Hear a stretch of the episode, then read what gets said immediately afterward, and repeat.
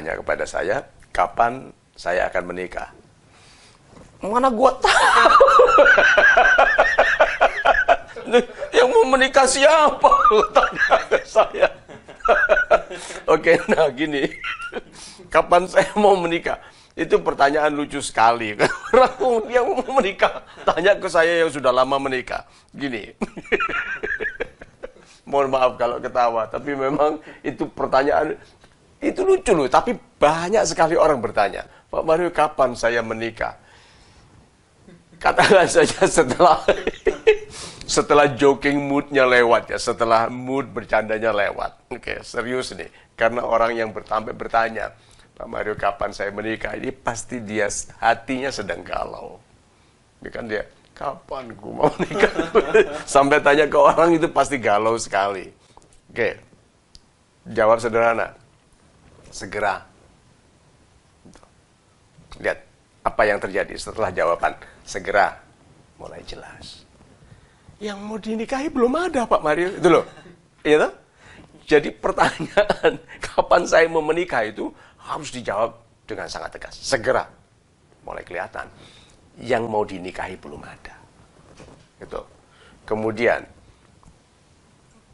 kalau ada yang mau dinikahi juga, belum tentu dia setuju. Nah, setelah setuju, kapan? Nah, kapan juga menentukan kemampuan. Nah, kemampuannya ada nggak gitu? Nah itu dia Pak Mario. Saya belum bekerja, gitu.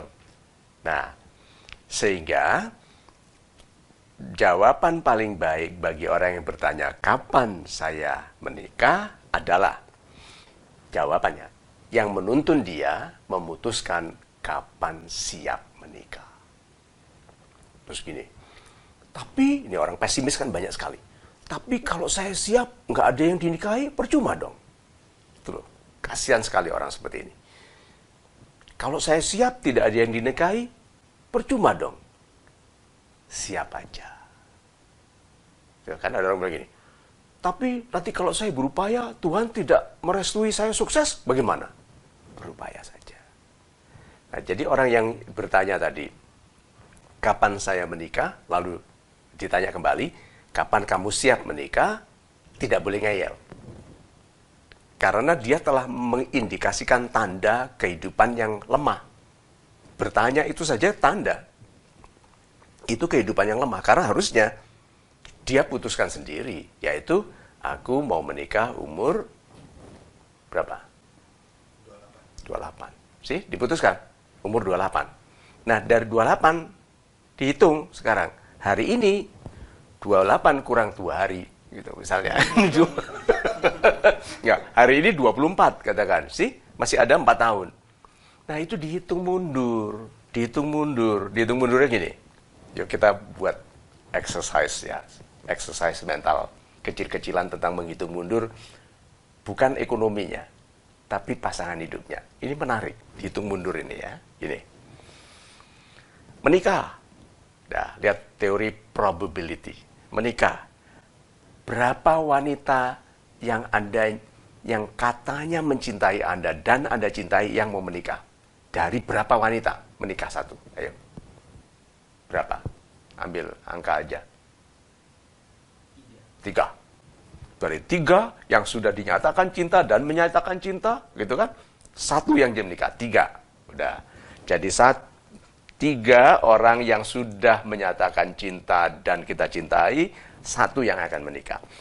Nah, untuk setiap wanita yang menerima cinta kita dan mengatakan cinta ini, berapa orang yang kita harus coba nyatakan cinta dan ditolak, nyatakan berapa banyak kita berhasil waktu menyatakan cinta? Untuk dapat satu, berapa wanita harus dicoba? sebanyak-banyaknya. Nanti dulu itu bukan probability. Harus ada ada harus ada success ratio. Rasio keberhasilannya dong. Untuk dapat satu yang akhirnya bisa jadi saling mencintai ada berapa? Empat.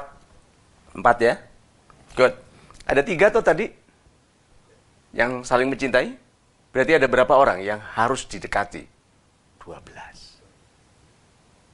belas dua belas orang oke okay? untuk dapat satu yang bisa memberikan keleluasaan untuk menyatakan cinta dan kemungkinan dia menerima, itu butuh mendekati berapa wanita untuk dapat satu wanita itu. Katakan lima. Lima wanita, satu aman untuk bilang, I love you. Pak! Gitu tampar. lima. Tadi, satu, tiga, dikali empat setiap satunya 12. Untuk setiap satu 5. 60 wanita. 60 wanita. Jadi ada 60 wanita ini yang harus didekati, dinilai. Itu full loh penilainya. Tidak berarti yang tiga ini lebih ketat loh seleksinya. 60 ini diseleksi yang sama loh. Latar belakangnya, ya kecerdasannya, kesehatannya sama loh 60 ini. Oke, ada 60 wanita harus didekati sebelum satu final 4 tahun. Mulainya kapan? Ada 60 wanita. Dari sini saja sudah mengindikasikan upaya. Belum lagi kita bicara waktu menikah itu punya uang berapa. Lalu dihitung mundur lagi ke hari ini itu punya uang untuk apa? Nggak usah kontrak, kos. Eh, hitung mundur lagi. Pak Mario dulu merencanakan hidupnya seperti itu. Iya. Saya hitung mundur. Saya lulus dari uh, IKIP Malang, kemudian saya lulus dari Indiana University. Eh, nanti kalau saya sudah bekerja, gaji dihitung mundur. Nah, bilang, tapi kan Pak Mario bisa toh satu dapat satu jadi wanita yang serius, satu menikah. Bisa. Serahkan itu kepada Tuhan. Tugas kita sebagai manusia, 60. Diperiksa dengan baik. Playboy, enggak. Karena tidak main-main. Yang 60 ini serius. gitu. Nah, yang 60, yang nomor satu nggak jadi, pindah ke nomor dua. Ya. Nah, nomor satu milik kita nggak? Bukan. Jadi kalau diambil teman, nggak apa-apa. Tapi anak-anak muda sekarang itu rasa, rasanya mau dimiliki semua. Jadi 60 ini punya dia semua. Sampai setelah menikah dia masih marah. Itu mantan gua. Gitu kan. Nah, sih. Kapan saya menikah? Pertanyaan yang desperate, yang sedih, yang galau. Tapi kalau dipikirkan serius, rencananya besar. Kapan mulai menarik bagi wanita nomor satu. Dari 60 wanita yang potensial kita kenal untuk menjadi satu istri. Berarti orang kenal banyak wanita? Iya. Itu bukan jelek. Kalau memacari dengan cara tidak amanah, cara tidak baik, backstreet 60 orang ya memang jelek sekali.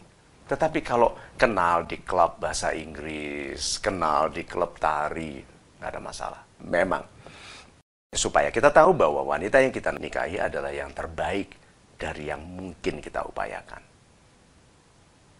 Kapan saya menikah? Sesegera mungkin. Itu.